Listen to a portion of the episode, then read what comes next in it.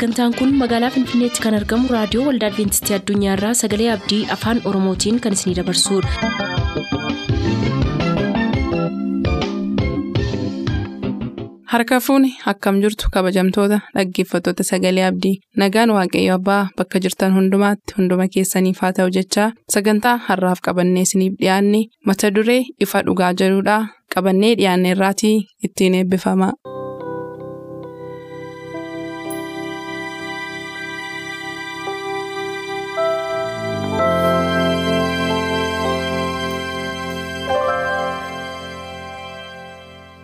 Ifa dhugaa.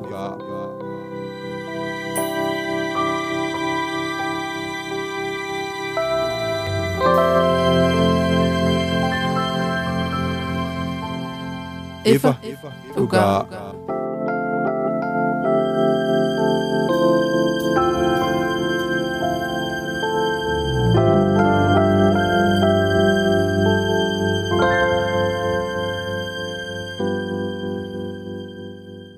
Nagaan keenya jaalalaaf kan kabajaa bakka jirtan maratti isiniif baay'atu akkam jirtu jaallatamoof kabajamoo dhaggeeffatoota sagalee abdii qophiin nu isiniif qabannee jirru. Qophii ifa dhugaatii qophiin ifa dhugaa torbanitti yeroo tokko karaa reediyoo sagalee abdii akka isiniin qaqqabu. Isiniif haaraa miti har'as egaa qophii keenya har'aa keessatti qorannoo keenya kutaa shanaffaa liqii irratti hojjechuu ka jedhu mata duree kana qabannee jirra. gara mata duree kana isiniif qooduutti tun darbiin kan naa wajjin jiru daani'eel abtaamuuti daani'eel abtaamuu kadhannaa nuuf godhe nu eegalchiisa nu wajjin tura. waaqa yeroo hundumaa jiraattu mootii bara baraa alfaadhaaf omeegaa kan taate yeroo kana fuula kee duratti dhiyaanne nuyi warri sagalee kee dubbannus fuula kee dura jira. Dhaggeeffatoonni keenya iddoo garaa garaa jiranis fuula kee dura jiru. Nu hundumtii keenya sagalee kee dhageenye ittiin jijjiiramne akka fayyinuuf ayyaana kee nuuf baay'isi. Nu wajjiniin ta'e gaafa deebtummoo samaatti nu yaadadhu maqaa yesuusin. galatoomii daanii dhaggeeffatoota keenyaaf ergaa kana qooduudhaaf waaqayyo carraa nuuf laatee jira. Mata dureen keenya akkuma siin jedhe qorannoon kutaa shanaffaa har'aa kunii waa'ee liqii irratti hojjechuuti. Isa dura mata dureen guddaan qorannoon keenya kun torban kudha lamaaf nuyi qabannee dhiyaannu gooftichaaf bulchuu kan jedhudha. liqiin egaa achi keessa akkamitti dhufee ka jedhuu fi karaa adda addaa ibsuuf yaallaa. Egaa har'a heertuu yaadannoo isaatii kan irratti xiyyeeffatu fakkeenya boqonnaa 22 lakkoofsa torbaa sooressi hiyyeessan bulchaa inni liqeeffatu sabbaa liqiitiif hojjetaadha jedha solomoon yeroo dubbatu liqiin rakkoo maalii qaba? Maaliif barumsi keenya haalanaa kuni liqii irratti akka hojjennuuf nu kakaase? Mee yaaduma kanaan itti haaseennuti waa'ee kanaa irratti waan jettu qabda. Tole galatoome kitaaba qulqulluu keessatti wantoota baay'ee argina. Wantoota baay'ee arginu keessaa waaqayyo qajeelcha ilmaan namootaatiif barbaachisuu fi kan jireenya du'a garasii qofa osoo hin taane jireenyuma ta'e waggaa torbaatama saddeettama. Waggaa muraasa addunyaa keessa jiraannu keessatti iyyuu hagam jireenya keenyaaf wantoota murteessoo ta'an kitaabni qulqulluun gorsanuuf kenna. Isaan kana keessaa immoo jireenya kee akkamitti gaggeeffachuu qabda. namni yoo maal ta'e akkamitti jiraata? Bilisa taate akkamitti jiraachuu dandeessa? Kan jedhu kitaaba qulqulluun lafa kaa'aa isaan keessaati dhimmi liqii dhimma tokkodha kitaaba keessa deebii yookaas kitaaba qulqulluu keessaa macaafa keessa deebii boqonnaa 28 gaafa laallu waaqayyo saba israa'eliif gorsa wayii tokko kenna yoo anaaf abboomamtanii barakata lafaan nyaattu wanta jedhu wayii wal bira qabee dubbata isaan keessaa warri waaqayyoof amanaman waaqayyoof warri jiraatanii in liqeessu malee in liqeeffataniidha.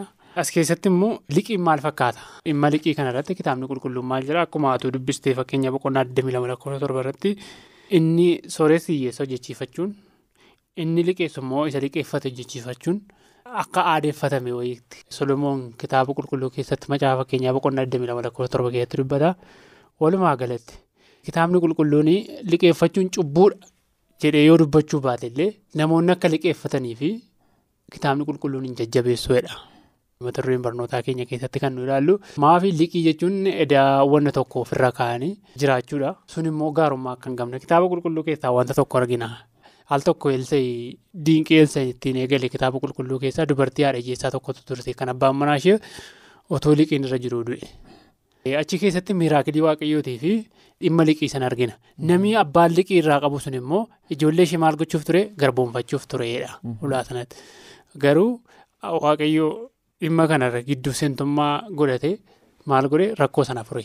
Walumaa galatti liqiin garboomanii kan biraaf hojjechuu sammuu ofii bilisummaadhaan waaqayyoo wajjin akkan waliin sammuu ofii waaqayyoo wajjin akka inni konneekt hin taane yookaas walitti hin dhufne gochuudha. Kanaafuu liqiin gaarummaa akka hin qabne walumaa galatti liqiin garbummaa akka ta'e kitaabni qulqulluun lafa kaa'a. Garbummaa indaayireektilii jechuun alkallattiidhaan nama biraaf hojjechuu nama biraatiif jiraachuu bara kee guutuu nama biraatiif jiraattee darbuu kan mul'isudha. Waan kan biraan namoonni baay'een isaanii jireenya mataasaa jireenya utuma jiraachaa jiranii jireenya isa caalu fooyyessuudhaaf kallattii garaagaraatiin liqii keessa seenuudha. Fakkeenyaaf konkolaataa bituudhaaf mana bituudhaaf wantoota garaagaraa bituudhaaf liqii keessa kanneen seenan jiru. Fakkeenyaaf gaa'ela irratti hin kaasa. Cidha godhachuu irratti humna isaanii qixa humna isaaniitti godhachuuf otoo danda'anii garuu maal godhu nama biratti beekamtummaa qabaachuuf yookaas gaa'elli koo akkasitti yoo ta'e bareeda baay'ina namaa hirmaachisuutiin maallaqa qisaasisuutiin maal godhu liqii keessa seenuudha. Kun immoo waaqayyoo ilmaan namootaa garbummaa irraa bilisa ta'anii akka isaan jiraatan yookaas liqii irraa bilisa ta'anii akka isaan jiraatan barbaada. Maaf sulumaa waaqayyoo saba Israa'eliin maal jedhee saba eebbaa isiniin godhaa jedhe. Saba eebbaa isiniin godhe jechuun callumadanii utuu hojjetin saba eebbaa ta'u osoo hin taane waan hojjetan irratti amanamummaadhaan waaqayyoof jiraachuu waaqayyoo wajjin adeemuu amanamummaa waaqayyoo irratti qabaachuu. Wanta qaban immoo qusachuu fi wanta waaltawaa ta'een gaarii akka ta'etti jechuun maal jedhama? Madaalawaa ta'e amma humna keetii fayyadamu. Jiraachuutiin akka ta'e jiraattu barbaada waaqayyo. Humna keetii yoo jiraatte yooti liqii keessa seente liqii deemta. Kanaafuu dhimma kanarratti kitaabni qulqulluun maal jedhaa gaarii akka hin taane. Inni liqeessu isa liqeesseef akka hojjechiisu. Inni sooressu immoo isa hiyyeessa akka hojjechiifatuudha. Fakkeenya boqonnaa addamii lama lakkoofsa torba irratti kanaafuu gaarii akka hin taane kaasaati immoo yaada dabalataa qabaatetti buuti. Galatoo midhaanii dhugaadhaa liqii namni addunyaa kanarraa liqii liqeeffanne muraasa liqiinuma liqeeffata namni garuu barumsi keenya haalanaa kun kan inni irratti xiyyeeffatu. liqiitu cubbuudha kan jedhu irratti tun taane wanta liqiin fidee dhufu irratti xiyyeeffannoo guddaa kenna. Rakkoo liqiin fidee dhufuuf xiyyeeffannoo akka laannu barbaada. Namni sababuma adda addaatiin liqeeffachuu danda'adha qorannoo keenya kana keessaa akkumatu jalqaba jette keessa deebii boqonnaa 28 yoo naaf abboomamtan eebbaaf taatu jedhe namoota kabiraa'uun gargaartu liqeessituu fi malee liqeeffattanii hedhee eebba kana kaa'eera waaqayyo. Yeroo tokko tokko immoo biyyi lafaanuu keessa jirru kun siree jannataa miti waan ta'eef namni rakkina adda addaatiif saaxilama utuu hin jaallatin yeroo liqeeffatuun qabaata. Garuu liqeeffatee liqii tokkoffaa? Liqii humti nuyi liqeeffannu liqii humna keenya madaalu ta'uu turreera. Darbee immoo waan deebisnu ta'uu turreera. Deebisuuf konfiidensii ofitti amanamummaa qabaachuu danda'u nurreera. Yoo sana hin taane maal ta'aa dhufaa? Nama sana hin baqatta. Yeroo kaffaluufii dadhabdu. Nama sana baqachaa dhufuun tokkoffaa amanamummaa kee hir'isaa deemaa lammataa ilaalcha namoonni sii qaban balleessaa deemaa. Sadaffaa immoo waaquma si jiraachisu sanarratti guungumuutu dhaxxa maaliif attamitti rakkoo kana keessa nagashite tuuti na eebbifteetta ta'e kun natti hin dhufu yaada hedduutti deemtaa jechuudha. Ni jalqabaa? Waaqayyo akka inni nu eebbisuuf qajeelfama inni nuu kenneen jiraachuudha. Qajeelfama sanaan jiraannee waaqayyo nu eebbisuu didee abdii akkasii shakkii akkasii hin qabu nama isaaf abboomame ni eebbisa waaqayyo yoo immoo sanarraa kaannee immoo kara ta'eenis kara kamiinis rakkoo na dhufu yeroo rakkoon nu mudatu immoo carraa liqeeffachuu nu dirqisiisu oo jiraate liqii deebisuu dandeenyu liqeeffachuun nurra jechuudha aannan beeka nama tokko yooneessa dhaqee. Bishoofti yommuu naqus na gaafatu hoolata yommuu naqus na gaafatu maqaa dha'uun narra hin jiru namichi sun waldaa keessan keessa miti attam ta'e nama akkas jedhanii na gaafatu nama beeku waan ta'eef abalurraa mana fuudhee abalurraa mana fuudhee walirraa nurraa iddoo jijjiirratti nu baqatee jedhuun kun jireenyuma keenyaafuu balaadha keessattuu immoo akka kiristaanaatti akka nama waaqayyoon beekutti yoo dandeenye liqiirraa fagaachuun amma humna keenyaatti jiraachuun. Rakkoon humnaa olii yoo nutti dhufe immoo liqii deebisuu dandeenyu liqeeffachuun yerootti deebisuun gaariidha. Yoo sana hin taane wanti inni fidee dhufu wanta baay'ee jira jechuudha hidhamuuyyuu fidee dhufaa maqaa kee repetishinii jechuun maqaa gaarii ati qabdu hin dhabdaa qorqalbiidhaa hin cabdaa namarraa baqattaa abdii kutannaa adda addaa keessa galtaa jechuudha yeroo liqiin baay'achaa deemu. Kanaaf liqiin hin jajjabeeffamu hin gorfamus. Yoo dandeenya ta'e dhaabuu Garuu addunyaa rakkinaa keessa waan jirtu. Garuu addunyaa rakkinaa keessa waan jirruuf immoo rakkoon humnaa ol yoo nutti dhufe immoo liqii baasuu dandeenyu liqeeffachuun humna keetiin gaariidha. liqeessi bortee.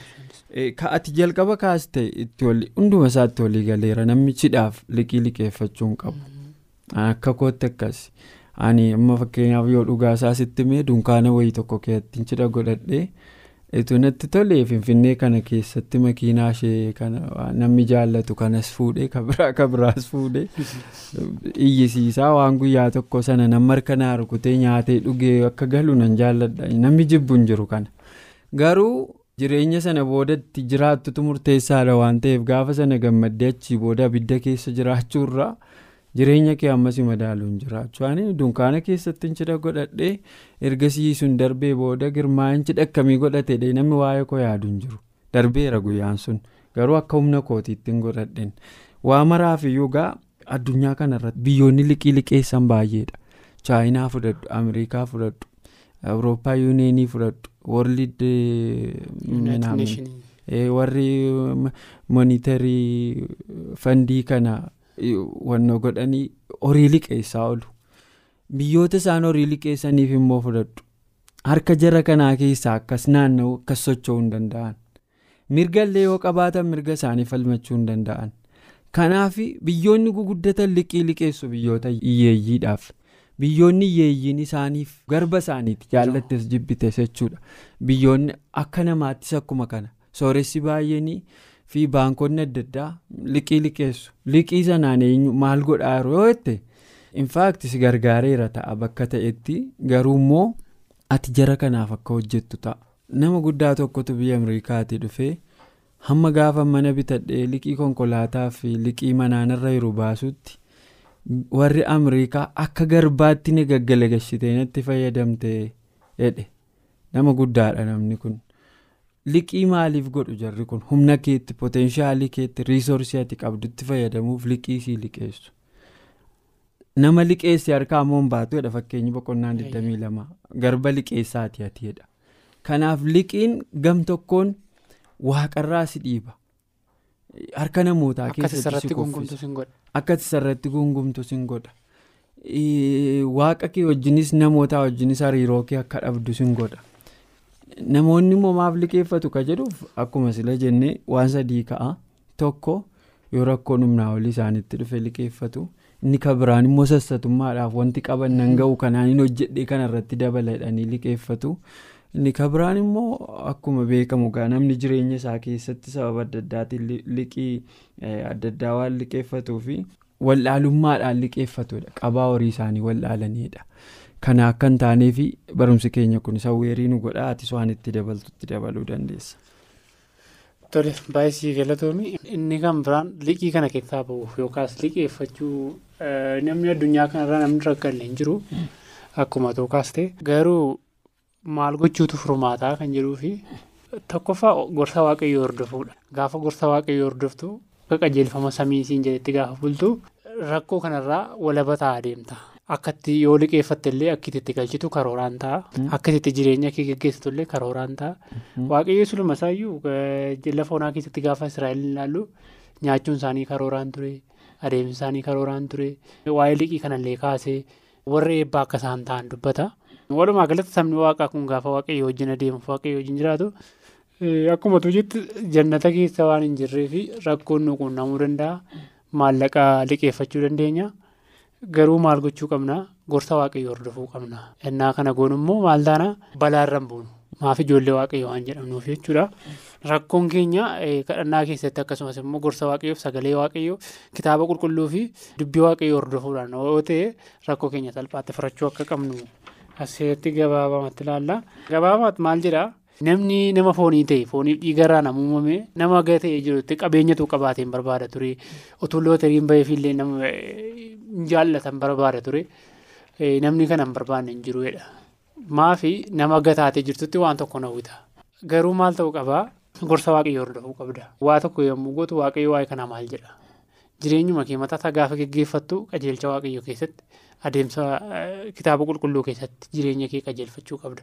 Maafi akkuma lama mata duree keenya irratti kaasne namni liqeeffatu garba liqeessaa sanaa waan ta'eef waaqayyo immoo namni akka garboomu barbaadu. garba wanta tokko akkati wanta tokko waaqa tolfamaa sitti ta'ee akka inni si garboomsu hin barbaadu. Tokkoffaa gaafa liqeeffattee liqii humnaa olii baasaa gaafa deemtu waaqayyoo irratti gungumtaa nama sanaa wajjin waliin dhabdaa wanta baay'eetu jira. Kun immoo waaqayyoo irraa si dhiibaa si fageessaa si fageessaa gaafa deemu waaqayyoo wajjin wal dhabaa akka deemtudha. Kanaafidha waaqayyoo gorsa waaqayyoo kan nu hordofuu qabnuu fi gorsa waaqayyoo duukaa kan nu eeguu qabnuuf. Kanaaf kitaabni qulqulluun nu gorsa. Aga danda'ametti hojjettee liqiirraa walaba ta'uu waa tokko addunyaa rakkinaa keessa waan jirtuuf immoo oo liqeeffatte immoo haga humna keetti liqeeffatte liqii sanarraa xiqqaarraa gara guddaatti ofirraa baasaa yoo deemte bilisa yoo taate waaqayyoos bilisaan nama tokko bilisaan waan uumeefi rakkoo kana hundumaa cubbuutu fide rakkoo cubbuun fide kanaaf immoo ijoolleen waaqayyoo waaqayyoon hordofanii bilisa ta'uun akka isaan irra jiru dubbata gabaabamatti walumaa galatti gorsa waaqayyoo hordofuun furmaata akka ta'etti nu badhaa. galatoomitti dabalatan. Ee anis waan itti dabalu waa'ee liqii yommuu dhufu argitee namni liqii sii liqeessu bu'aadhaaf sii liqeessa kara tokkoonis kara lamaanis namni hiriyaa kee ta'e bu'aa malee yeroo margattu naa deebisedhe sii liqeessuu hin danda'a kennaas godhee sii kennuu hin danda'a garuu dhaabbatoonni liqii liqeessanii baay'een isaanii bu'aadha. isayyuu mana kee yookiin lafa kee yookiin qabeenya kee waan ta'e qabsiisa qabsiifta. Yoo sana achi immoo. hiriyaa kee nama horii sana yoo ani baasuu dadhabe isa baasaa jechuudha. Kara kabiraa wabii fidadhu siin jedhuumi daani'eel yoo amma qabeenya qaba ta'e girmaa'in liqii liqeeffatee naanii nama qabeenya akkasii qabu yookiin nama kaartaa akkasii kaartaa manaa qabu yookiin waan akkasii qabu fidadhu wabii nama sii ta'u sana jechuun kara kabiraa yoo ati dadhabde isarraa fudhannaa dhabe. Deebii sanaa kan deebisu isadha jechuudha. Egaa kun amma bu'aadha. Addunyaa bu'aan daldalaa keessa waan jiraannuuf namoonni akkasitti qabeenya horatu. Naanna'ee naanna'ee qabeenyi kanaan horatamu kun eessa dhaqaa? Addunyaa kanarraa eessa si geessa yoo ta'e eessa hunnattu? Hamma waaqayyo si yayyametti jiraatta liqeessites. Wanta qabeenya baay'ee walirra tuultes qabsiisa gootee waan adda addaan namarraa humna namaarraa yoo buufattes waama namni tokko jiraatu jiraatta ati daani'eel kuni. waan itti taatee namummaarraa adda baatee koochoon ergama waaqaa sitti biqilee qobaatti nama akkasii hidhee qobaasi godhu hin jiru addunyaa kanarraa namumati gaafa inni du'e siin jedhe numa duuta itti horiin kee liqiin kee bakkee jiru. yaada kee gidduutti dhiifama. Jireenya addunyaa kanaa gaafa ilaaltu akka abjuu wayii tokko gamoo dafqayyee isaatiin ijaarame tokko beektaa kumaara wayii taphatame. kumaaraan wanta achi ol ijaarame dafqa ilmaan namootaa jechuudha. Kun maalidhaa dhumarratti kitaabni macaafni lallafaamaadha. Dhumni sanyii nama hundumaa tokkodha. Tokkumadha. Tokkumadha. Akkuma tu jettee namni lafa ga'uu hin qabu. Eessa hin geessu? Eessa iyyuu hin geessu. Hinduuta akkuma umurii nama tokko sii kenname sii kenname isa booda hinduuta hin darbita. Garuu isa keessatti waaqayyo maal barbaada? Waan gaarii waan qajeelaa hojjechuu barbaada. Qabeenya inni ittiin si eebbiseen. Eeyyee kanadha itti fufi.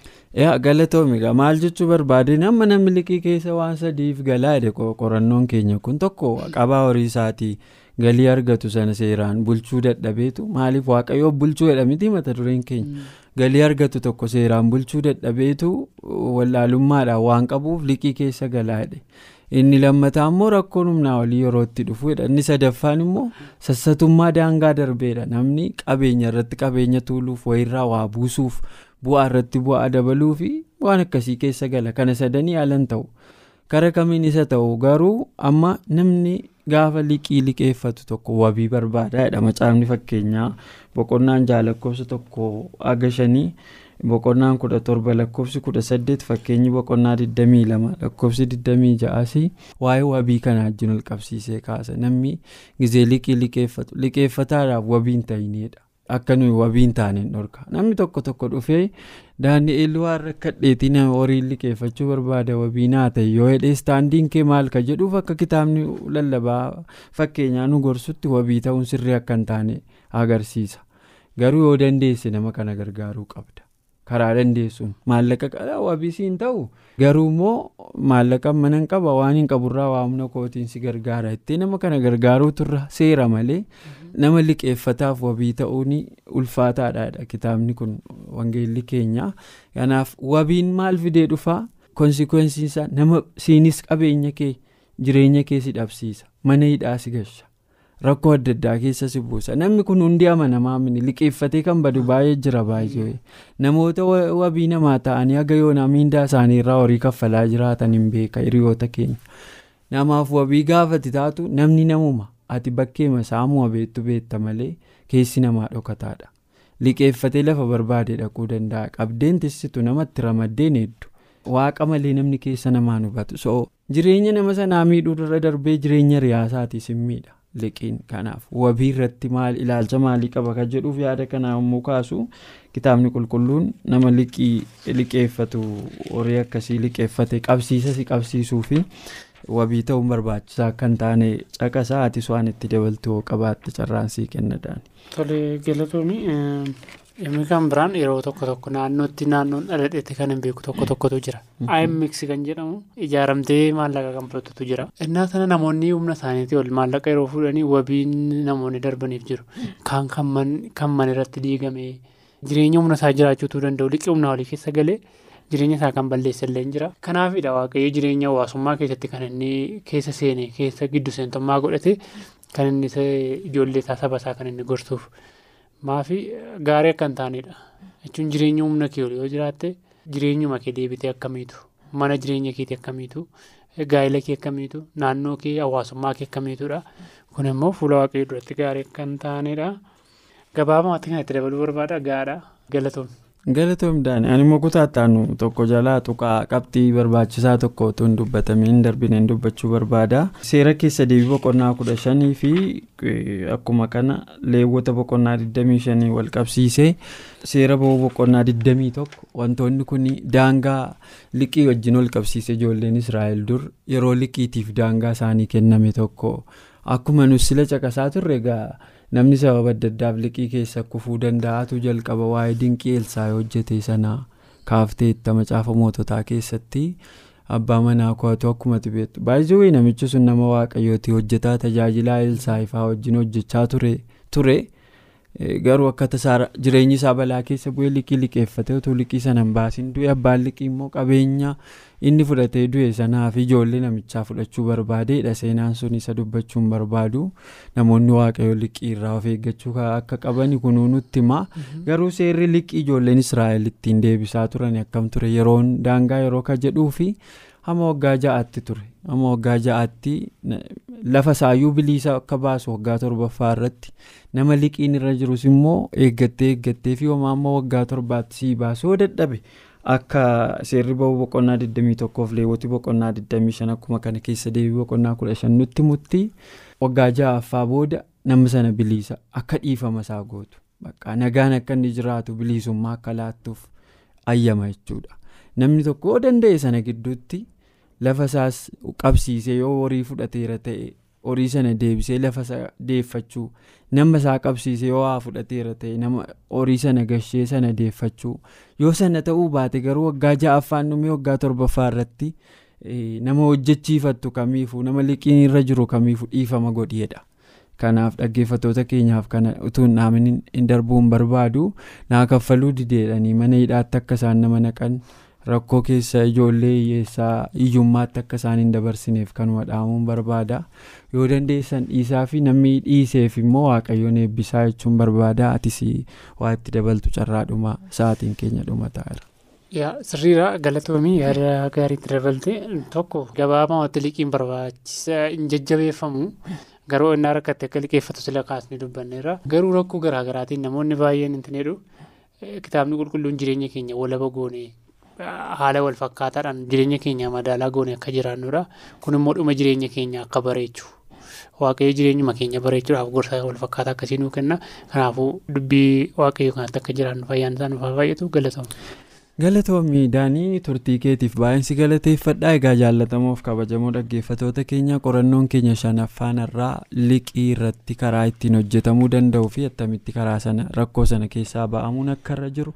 Namni ammuma humna isaatti akka jiraachuu qabu barumsi keenya har'aa nu gorsaa kanatti akka itti fayyadamtan homaa tokko shakkiin qabu waan nu wajjin turtaniif galatoomaa torban qorannoo keenya kutaa ja'affaatiin amma walitti deebinutti asumaan nagaatti isiniin jenna nagaan nuuf tura. qophii keenya har'aatiin akka eebbifamtaan abdachaa yeroo xumurru beellamni keessan nu waliin haa ta'u.